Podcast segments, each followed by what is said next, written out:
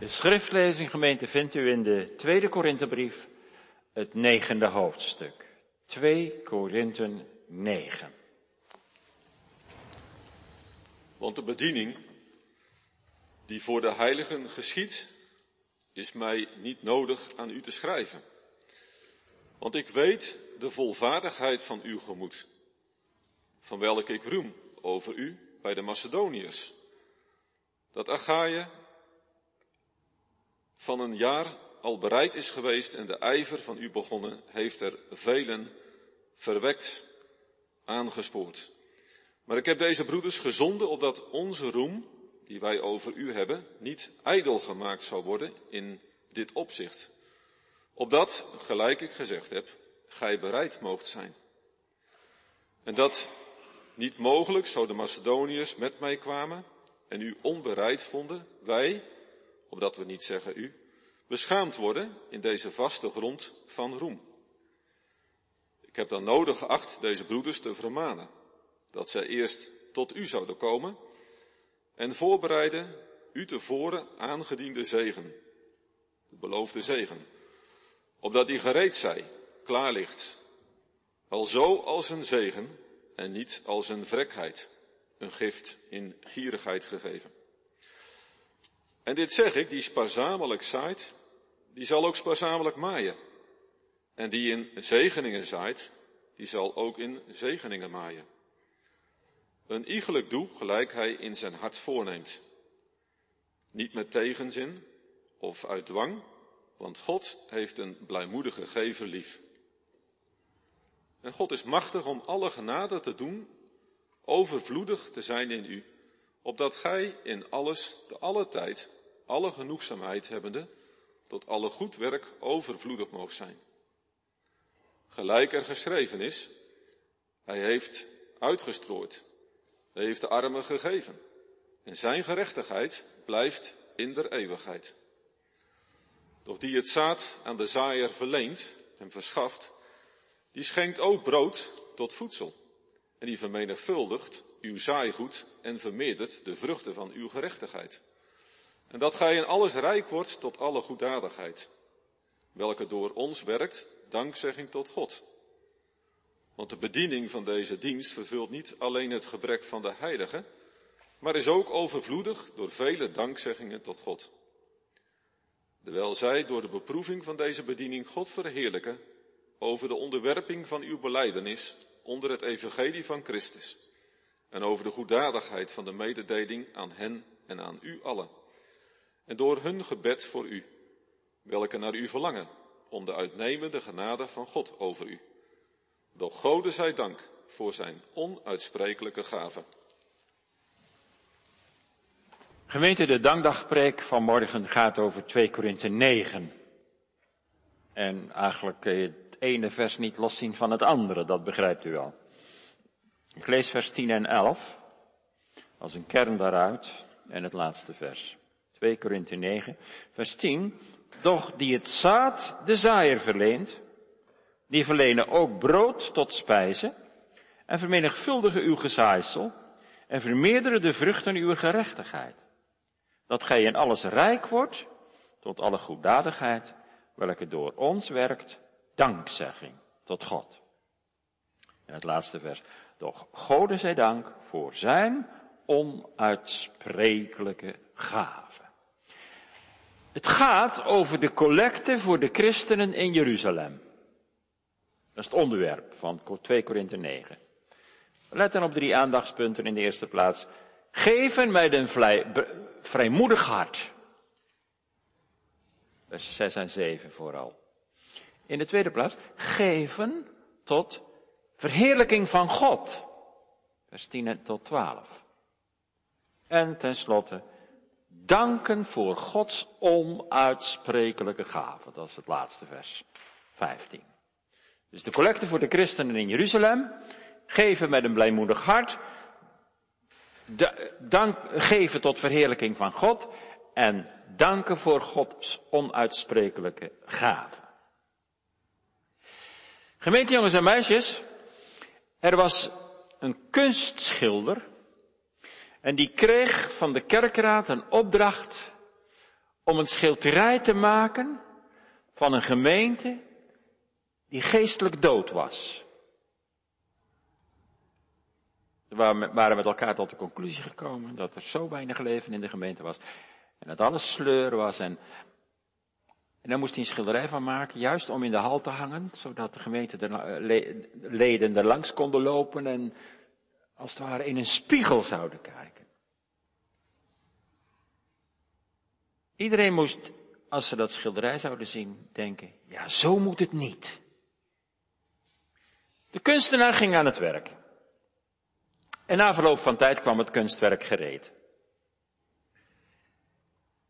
Maar wie schetste de verbazing van de kerkenraad? Want het schilderij werd opgehangen aan de muur. Maar het schilderij stelde een stralend mooi interieur voor van het, van het kerkgebouw. Gevuld met aandachtig gehoor, prachtige kronen als verlichting, een imponerend orgel. En toen zeiden ze maar, dit hadden we toch niet opgedragen? Dit is toch geen dode gemeente? En toen zei de kunstschilder, ja, mijn heren, maar u moet wel even goed opletten dat er bij de uitgang van de kerk, bij de zendingsbussen, iets merkwaardigs aan de hand is. En inderdaad, toen ze eens goed keken, zagen ze boven de opening van de zendingsbussen een heel zwaar spinnenweb.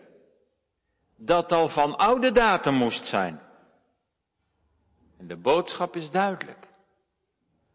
Een niet gevende gemeente is een dode gemeente. Paulus schrijft in ons teksthoofdstuk aan de christenen in Korinthe, die een jaar gespaard hebben voor de kerk in Jeruzalem.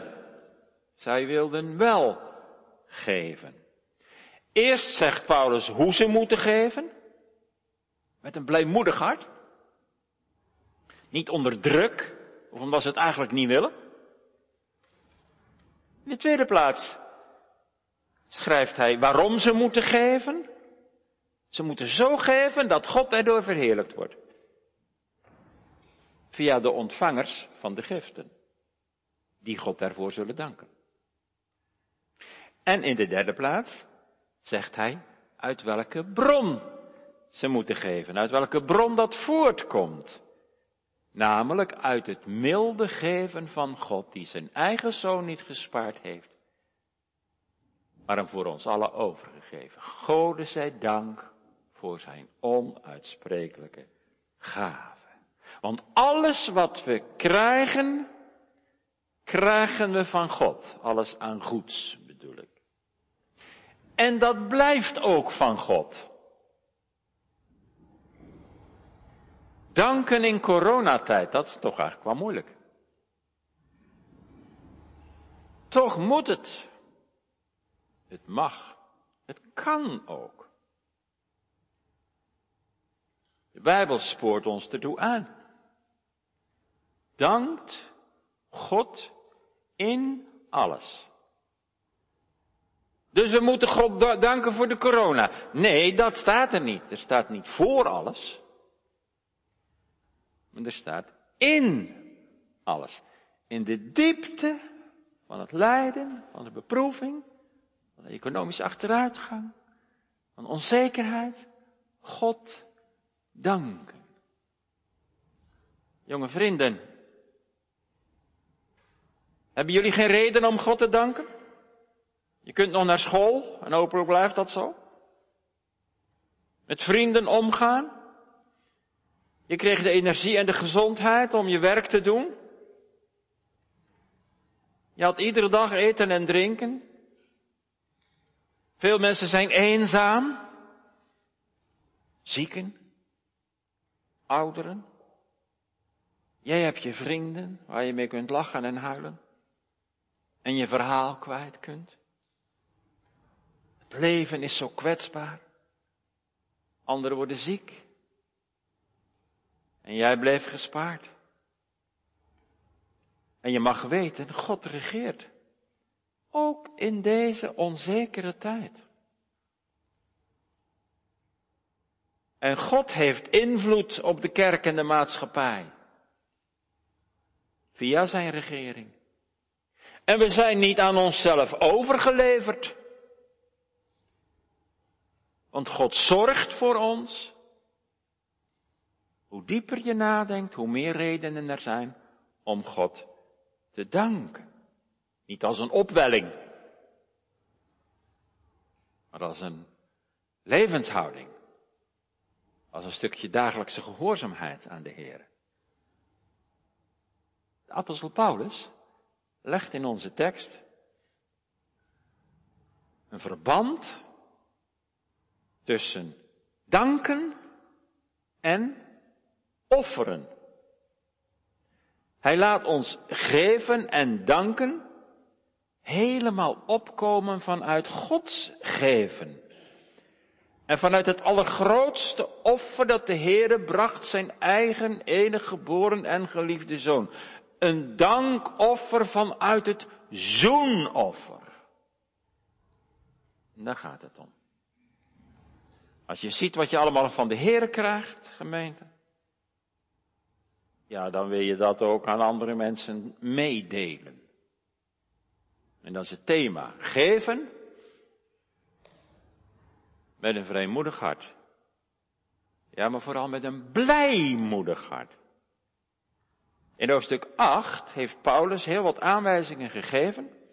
En Paulus beveelt de collecte voor Jeruzalem bij de Corinthiërs aan naar het voorbeeld van de gemeenten in Macedonië die zo overvloedig gegeven hebben. En bij die gemeenten in Macedonië moet u denken aan Filippi, Thessalonica en Berea. Nog jonge gemeenten. Hoewel de mensen daar zelf arm waren, gaven ze toch geld voor Jeruzalem. Omdat ze wisten dat er armoede was in Jeruzalem. Boven vermogen staat er. Hun bijdrage was echt een offer. Verhoudingsgewijs zijn oude, arme mensen guller dan rijke mensen.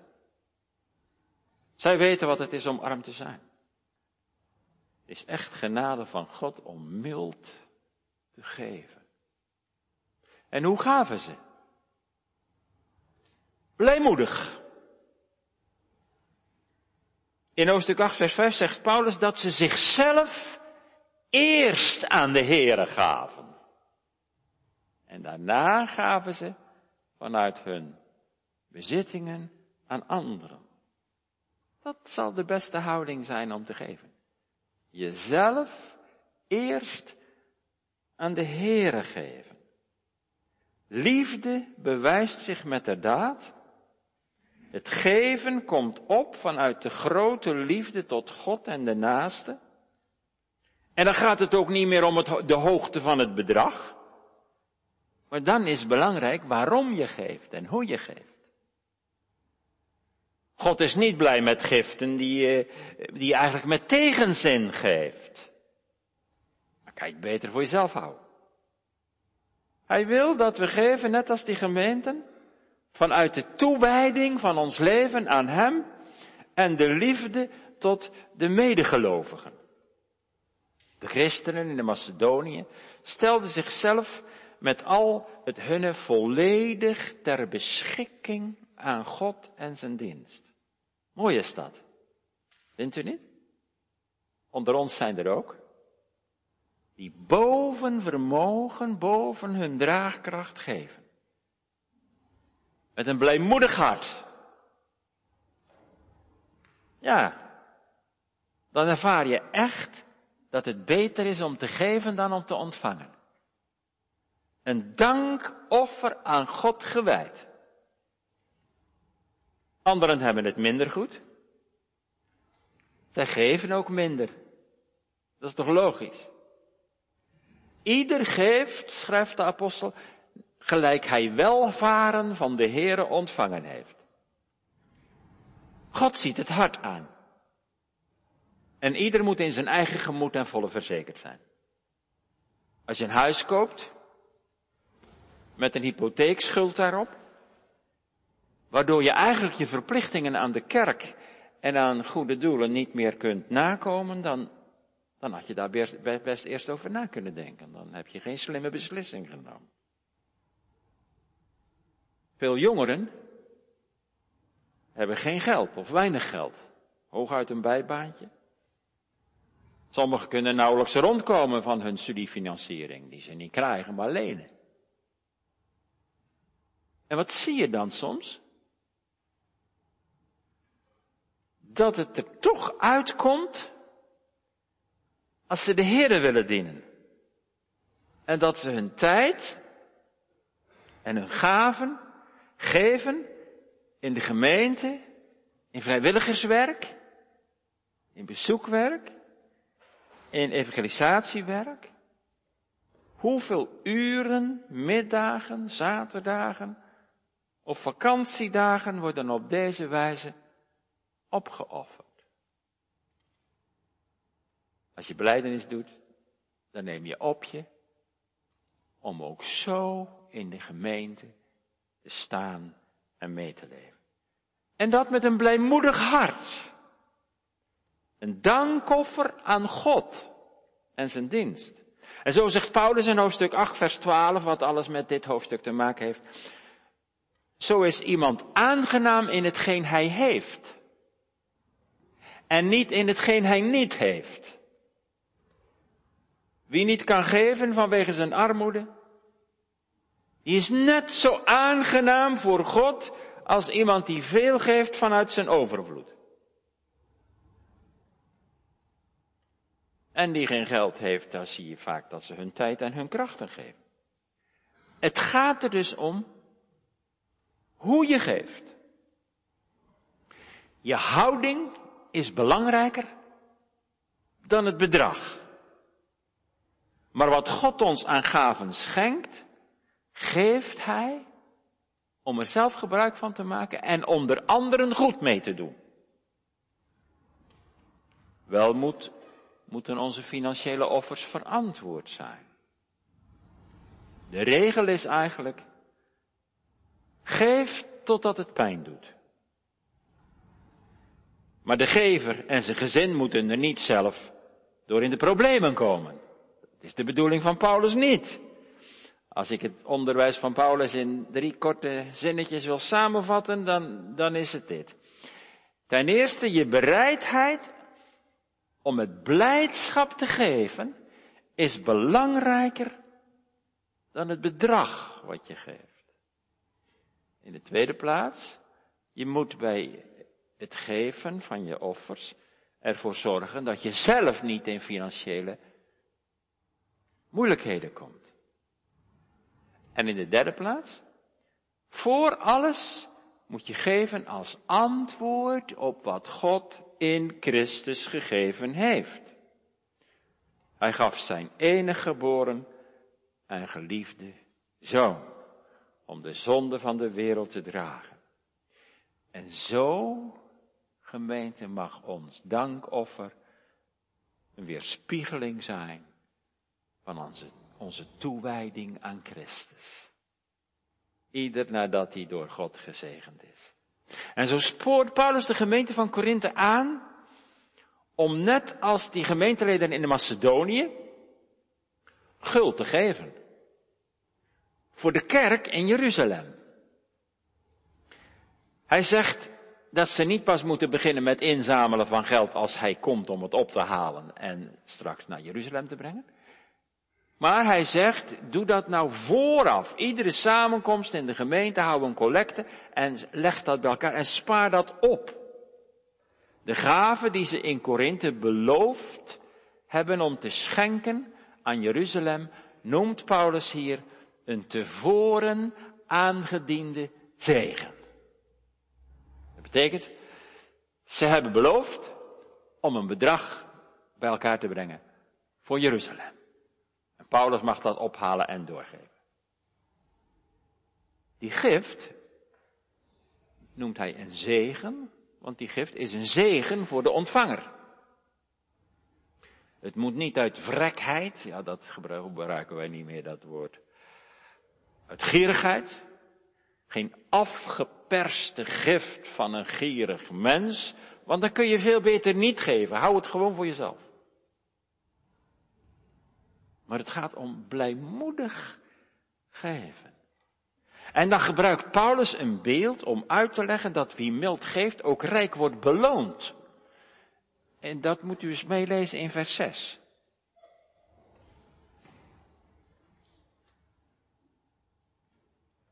En dit zeg ik, die spaarzamelijk zaait, zal ook spaarzamelijk maaien. En die in zegeningen zaait, zal ook in zegeningen maaien. Paulus noemt het geven hier zaaien. Het gaat in de collecte, hij gaat de collecte hier in breder verband plaatsen. En hij legt een verband tussen zaaien en oogsten. Bij zaaien wordt het zaad weggeworpen in de aarde. En als je daar alleen op zou zien, ik werp het zaad weg, dan zou de zaaier kunnen denken, laat ik het maar zuinig doen, want dan hoef ik niet zoveel weg te werpen in de aarde.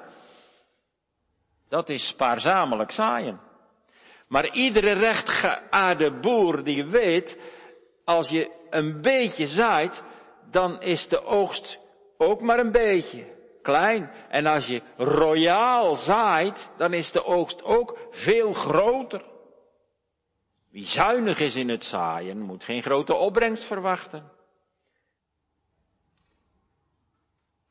En dan gaat het letterlijke beeld over op een figuurlijke zaak. Want dan zegt hij, wie in zegeningen zaait, zal in zegeningen maaien.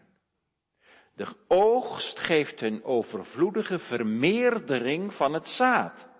Eén zaadje kan wel honderd andere zaadjes opleveren. Dat gaat niet automatisch. Want het is niet vanzelfsprekend, want de oogst kan verrotten. Door een veel te natte periode op het veld. Of kapotgeslagen door de hagelstenen. Of verdorren door de droogte. En daarom staat hier het woordje zegeningen. God zegen over de oogst. Niet wij presteren dit en dat, maar we hebben er geen recht op. Maar het is God die daar buiten op het veld en ook binnen in het leven van de gemeente door zijn zegen een rijke oogst geeft. Het gaat om Gods zegen over onze offers. Gezegend geven. Wie karig geeft, zal karig beloond worden. Wie mild geeft in zegeningen, zal de Heere rijk belonen. Hé, hey, daar zit dus een loongedachte achter. Ja, maar dan zeggen we dat zo, niet uit verdiensten, maar genadeloon. Kijk maar naar vers 9. Hij heeft aan de armen gegeven, zijn gerechtigheid blijft in eeuwigheid. Dat is een citaat uit Psalm 112. En dan spreuken 11 nog. De zegenende ziel zal vet gemaakt worden. Om echter te voorkomen dat mensen gauw gaan geven ter wille van het loon, benadrukt Paulus dat het helemaal vrijwillig moet gaan. En blijmoedig. Niet om bijoorzaken, om door de mensen gezien te worden, om door de mensen geprezen te worden. Ik geef tiende van alles wat ik bezit. Niet gedwongen, maar vanuit de liefde tot Jezus. We lezen vers 7. En ieder doe gelijk hij zijn hart voorneemt. Niet uit droefheid of uit noodwang. Want God heeft een blijmoedige gever lief. Ziet u het? In vrijheid geven, niet gedwongen. Er moet niets, maar het mag. Uit liefde tot Jezus. En God heeft de blijmoedige gever lief. Daar rust zijn welgevallen op. Een dankoffer uit liefde tot de Heer Jezus voor wat Hij allemaal voor ons heeft gedaan. Als je toch verlost bent hè, van, je, van je zonde. En van die macht van de zonde, als die gebroken is in je leven, dan ben je de Heer toch dankbaar. Dan zeg je toch, Heer, dat heb ik niet verdiend. Ik wil heel mijn leven in uw dienst besteden. Dankoffer vanuit de liefde tot Jezus. Ziende op Hem. Heel opmerkelijk in hoofdstuk 8 vers 9, dat, dat hoort, hoofdstuk 8 hoort helemaal bij, bij hoofdstuk 9. Daar staat, want gij weet de genade van onze Heer Jezus Christus, dat Hij om ons entwil arm geworden is, daar Hij rijk was, om ons door zijn armoede rijk te maken. Daar plaatst Paulus opeens het kruis, midden in zijn reden, in zijn preek over het geven van hulp aan armen en behoeftigen. En dat is precies de spijker op zijn kop. Vanuit het kruis. Kijk eens wat hij gedaan heeft. Zouden wij dan niets doen? Zo blijkt je geloof. Als je iets terug wil doen. Uit dankbaarheid. Liefde blijkt in de dingen die je doet, in de gaven die je geeft. En dat betekent niet dat de zaligheid te koop is. Je vraagt er God zegen over. Dankbaarheid uit zich. God heeft de blijmoedige gever lief. Waarom? Omdat hij daar zijn eigen beeld in herkent. Hij gaf zijn eigen zoon. Hij gaf alles wat hij had. Dus de vraag in onze eerste gedachte is, hoe geven wij onze tijd, ons geld, onze gaven, onze inspanningen? Toch niet omdat het nou eenmaal moet. Nee. Vrijwillig, zegt Paulus, blijmoedig. Als God door genade zijn beeld herstelt in ons leven, dan gaan we op hem lijken. En dan worden we zijn beeld gelijkvormig. God is gul en royaal, dat worden we dan ook. God gaf zijn zoon, Christus gaf zichzelf. Hoe zwaar het ook voor hem was. En toch deed hij het vrijwillig, met vreugde en uit liefde. Hij heeft voor de vreugde die hem voorgesteld is, het kruis gedragen en de schande vraagt.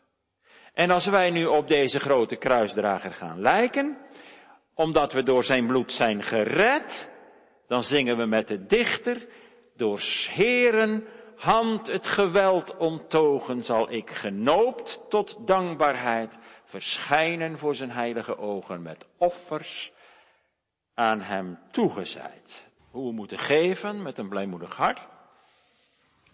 Waarom we moeten geven? Om onze naasten te helpen en om God te eren. Dat is het tweede aandachtspunt. Geven tot verheerlijking van God.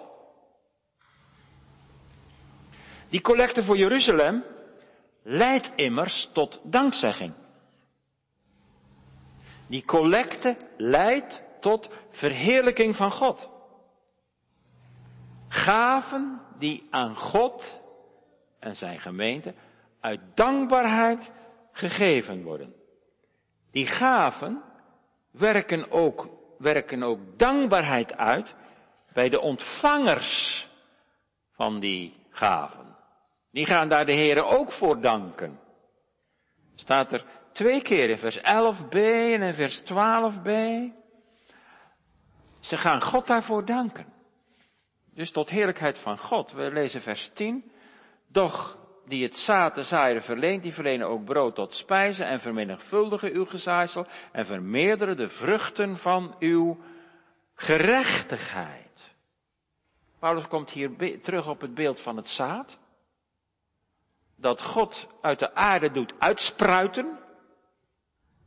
Het zaad van de zaaier, hij vermenigvuldigt het. Tot de oogst. Tot het brood. Hij doet het brood uit de aarde opkomen. Daar achter dat woord brood zit heel dat arbeidsproces van de boer, de maaier, de molenaar, de bakker en de winkelier.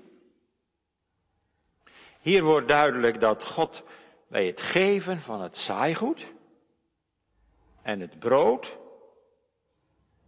ons menselijk handelen niet uitsluit. Het is niet ga maar zitten en hou je handen maar op. Ons werk is juist nodig. En we danken God dat Hij ons de kracht gaf om dat werk te doen. Wie niet werkt zal ook niet eten. God geeft wel het zaad, maar de zaaier moet uitgaan. De boeren hebben hard gewerkt. U kreeg uw salaris, omdat u trouw gewerkt hebt op school of op de fabriek of op het kantoor of het huiswerk, thuiswerk. Zo vermenigvuldigt God onze inspanning en ons werk. Hij zegent het. En daar zeggen we hem vandaag dank voor. En nu blijkt uit vers 10 ook hoe geestelijk het geven is.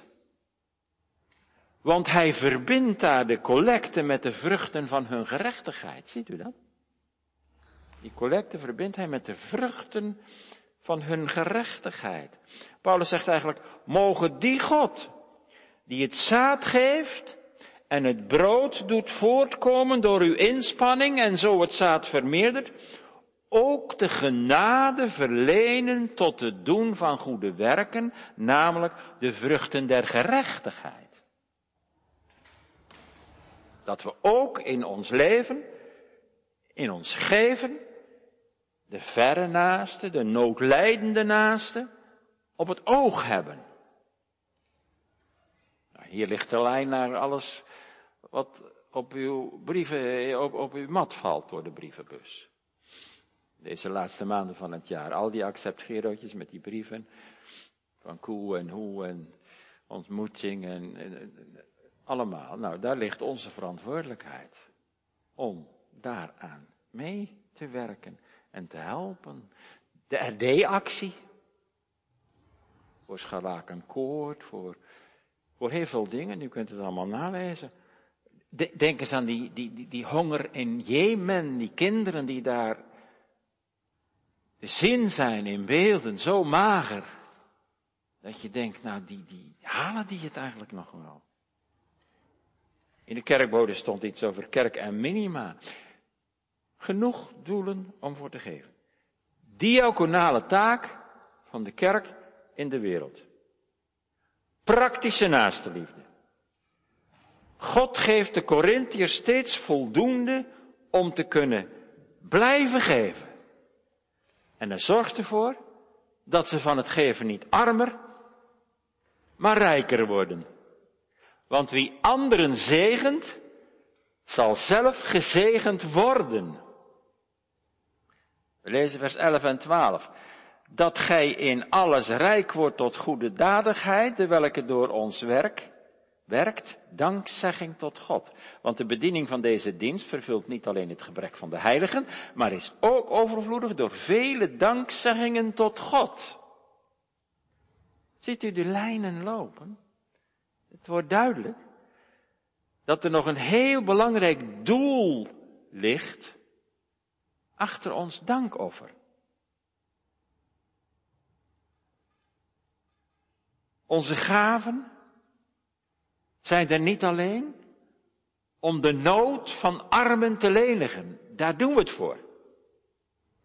Maar die gaven leiden ertoe dat de ontvangers van die gaven daar God voor zullen danken en verheerlijken. Dat zit ook achter die broederlijke hulp aan de noodlijdenden. Zoals het zaad vermeerdert door het uit te strooien, Zo vermeerdert God onze dankdaggiften en onze giften, omdat daardoor weer andere mensen, namelijk de ontvangers, aangezet worden om God te danken. Een hele mooie gedachte. Zo wordt die dank vermenigvuldigd. Wat een zegen verspreidt zo'n eenvoudige collecte. En alsof het nog niet genoeg is, er is nog iets mee verbonden, namelijk de eer van God. En dat is het uiteindelijke doel. De eer van God, dat staat in vers 13. Door deze bediening verheerlijken zij God. Maar ook vers 12 zegt het. Alleen, dat is een beetje verborgen voor u, maar ik leg even de grondtaal uit. Ik noem de woorden en dan snapt u het wel.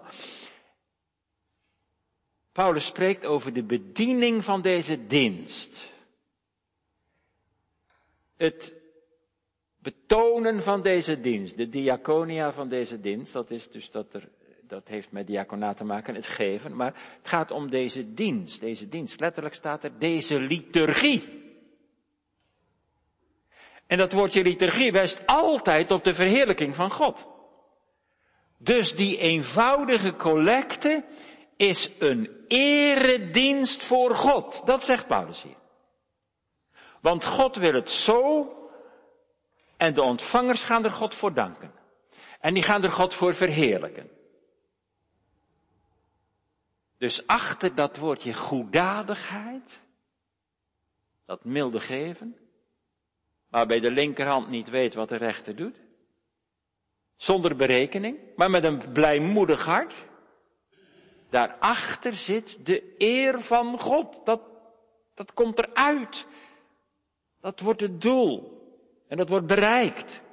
Het is als een liturgie waarin de Heere verheerlijkt wordt. Zo ver strekt de betekenis van de collecte zich uit. Onze dankdaggaven zijn er niet alleen om het gebrek te vervullen van de armen en de kerk, diaconaalwerk, maar de diepste achtergrond van al onze gaven is de eer van God. Dat, dat zegt Paulus hier. De eer van God. De heiligen in Jeruzalem gaan er God voor prijzen en zij gaan ook voor de Corinthiërs bidden. En zo is er ook gebedsgemeenschap heen en weer. Gemeenschap der heiligen.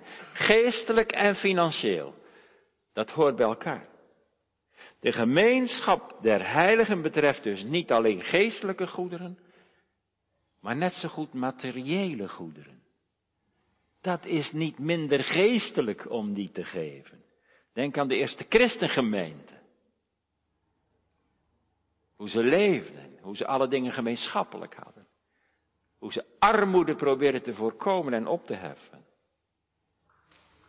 En vandaag, als een moeder met corona in bed komt te liggen. En de mensen om hen heen, om haar heen, zorgen voor de maaltijden. Dan is dat precies hetzelfde principe. Dat hoort gewoon bij de gemeenschap der heiligen.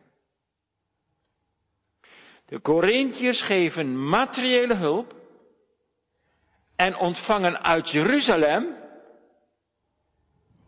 geestelijke goederen. Het evangelie van de Heere Jezus. Ziet u de lijnen? Paulus spoort de gemeente van Korinthe aan om mild te geven voor de armen in Jeruzalem. En de Jeruzalemmers merken daarin op de echte liefde van die mensen en ze danken er God voor. En zo vermenigvuldigt de Heere de dank. Mooi hè, in dit hoofdstuk.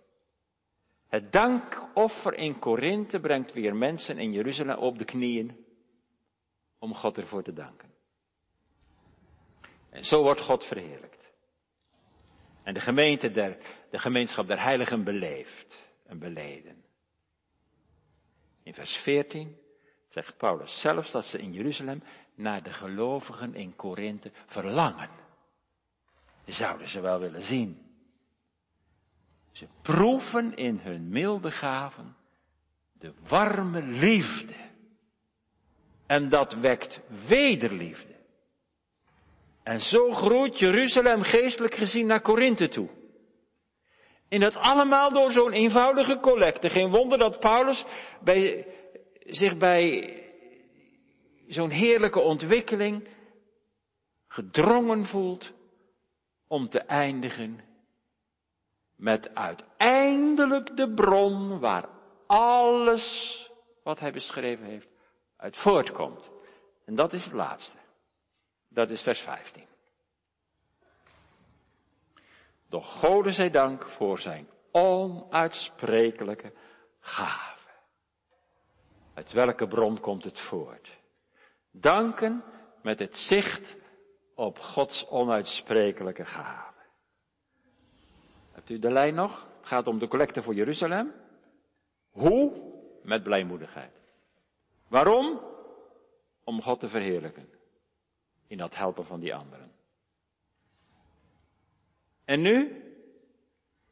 We moeten allemaal van het gekregene leven, van Gods gaven, daar zijn we ook voor samengekomen op deze dankdag om daar Hem voor te danken.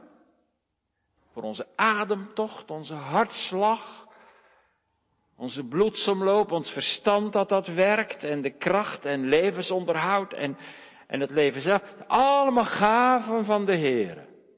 De onderhoudende almacht van Gods hand.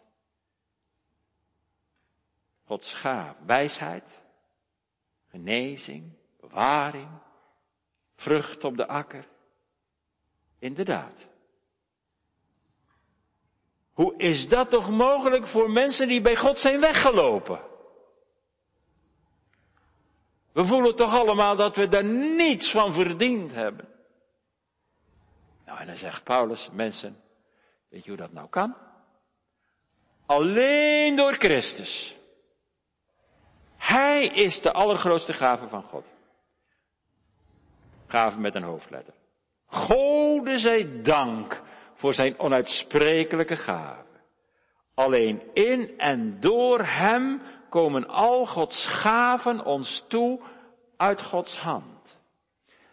In Gods algemene genade draagt hij deze wereld nog en heeft God levensonderhoud voor ons. Maar er is meer, zeker over wat God aan de mensen gegeven heeft in Christus Jezus.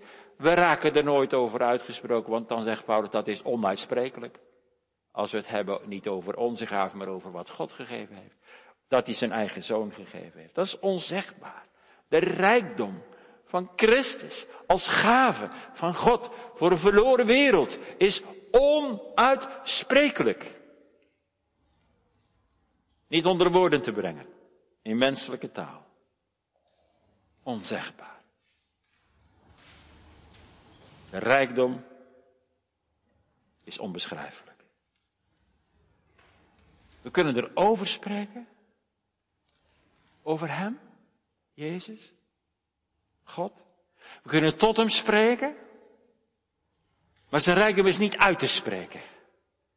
Zijn grootheid en zijn goedheid gaat alle begrip van menselijke woorden te boven.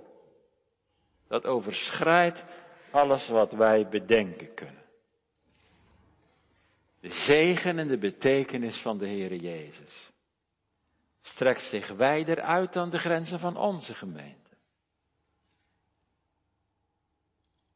Doordat Hij in de wereld kwam, is het leven van alle dag voor ieder mens in deze wereld nog mogelijk.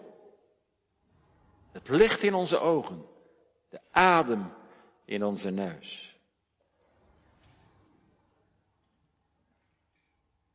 Daarom is niet ieder mens een doodslager en een dief en een echtbreker en noem maar op en een terrorist. Die vier mensen doodschiet. Of iemand de keel afsnijdt. Als Christus niet gekomen was, zou de wereld nog helemaal onder de vloek liggen. En vergaan zijn. En omdat Christus gekomen is, de onuitsprekelijke gave van God, hebben wij nog een huis. En een bed. En eten. en een kerkgebouw. En alles wat we nodig hebben. En hij trekt overal een lichtend spoor achter zich aan. De Bijbel zegt zijn voetstappen druipen van vettigheid, van zegen. En wat Paulus hier in vers 15 bedoelt is de zegen die Christus in geestelijk opzicht aan de wereld heeft gebracht. Hij is het levende antwoord op de diepste nood van gevallen mensen. En dan moet u denken aan vergeving van zonden. En dan mag je denken aan de verzoening met God. Wat arm als je dat niet kent. Dan kun je nergens heen als de nood aan de man komt en de dood aan de deur klopt. Maar God had al zo lief de wereld dat hij zijn enige geboren zoon gaf, zijn onuitsprekelijke gave. Opdat er ieder die in hem gelooft niet zou verloren gaan, maar leven voor eeuwig. Gemeente, God wil niet alleen een zorgend vader voor u zijn. Maar hij wil ook een verzoend vader in Christus voor u zijn. Wat is dankdag zonder een genadige Vader in de hemel? Wie is Christus? Als we alleen zijn zegeningen ontvangen en aan zijn verzoenend bloed voorbij gaan en dat onrein achten. Wat had hij er veel voor over? Om naar deze wereld te komen. En om ons vlees en bloed aan. Om onzentwil arm geworden. Daar hij rijk was. Geleden, gestreden, geworsteld, gekruisigd, van God verlaten, mij dorst om voor ons een beker water te verdienen. Wat is God goed in Christus. Niet alleen die natuurlijke gaven, ook de geestelijke gaven. Vergeving, heiliging, verheerlijking. Mag u die trouwe leidsman en trooster kennen. En mag u daar ook God voor danken. Natuurlijk, we danken God voor onze gezondheid, ons brood en al die dingen die we genoemd hebben. Maar dat Hij een verzoend Vader in Christus wil zijn. Door het offer van zijn bloed. Door het kruis op Golgotha. Om voor Hem te buigen. Een arme zondaar. En onze schuld bij hem achter te laten. Die hij wil overnemen. Omdat hij zijn handen liet doorboren aan het kruis. De goede herder. Die zijn leven gaf voor zijn schapen. Daar mogen we God toch ook voor danken vandaag, of u niet. Dat we uit de geestelijke dood zijn opgewekt en dat we Christus hebben liefgekregen. En dat we misschien wel voor het eerst aan het avondmaal zijn geweest. Dat brengt tot verwondering en aanbidding. Dan kun je Paulus nazeggen. Gode zij dank. Voor zijn onuitsprekelijke gave. Het vlees geworden woord. Hoe zou je God kunnen danken voor de genade waar je zelf vreemd aan bent? En de gave die je nooit ontvangen hebt. Eigenlijk kun je God nergens voor danken buiten Christus om. Dat toch even meenemen, beseffen. We kunnen hem nergens voor danken buiten Christus om. Hij heeft alles verdiend. En daar komt de ware dankbaarheid uit voort, uit de bron Christus, Gods onuitsprekelijke gave. Ook onze offers op dankdag. Collecte, hulp aan de naaste, goede werken tot eer van God. Gode zij dank. Het echte antwoord, de echte dank, is het antwoord van ons hart op Gods genade. De gemeente van Jeruzalem vloeide over van blijdschap vanwege de ontvangen collecte. Hun hart werd er helemaal door door losgemaakt, geopend. Zo werden Jeruzalem en Korinthe naar elkaar toegebracht. Samen in Christus één. Ze proefden de liefde van die mensen. Mag u dat ook wel eens ervaren? Zo in de gemeente. Een wederzijdse hulp. Een meeleven met elkaar. De gemeenschap der heiligen. Omdat je samen verbonden bent aan het heerlijk hoofd Christus. Wie eenmaal begint te danken, kan er haast niet meer mee ophouden. Dan komt er zoveel naar je toe. Net als Paulus. Hij zegt, ik houd niet op voor u te danken. Niet als prestatie van ons, maar als gratie van God. Dank de Heere met een blijmoedig hart. Tot verheerlijking van zijn grote naam. En dat alles vanuit die onuitsprekelijke gave van God. Amen.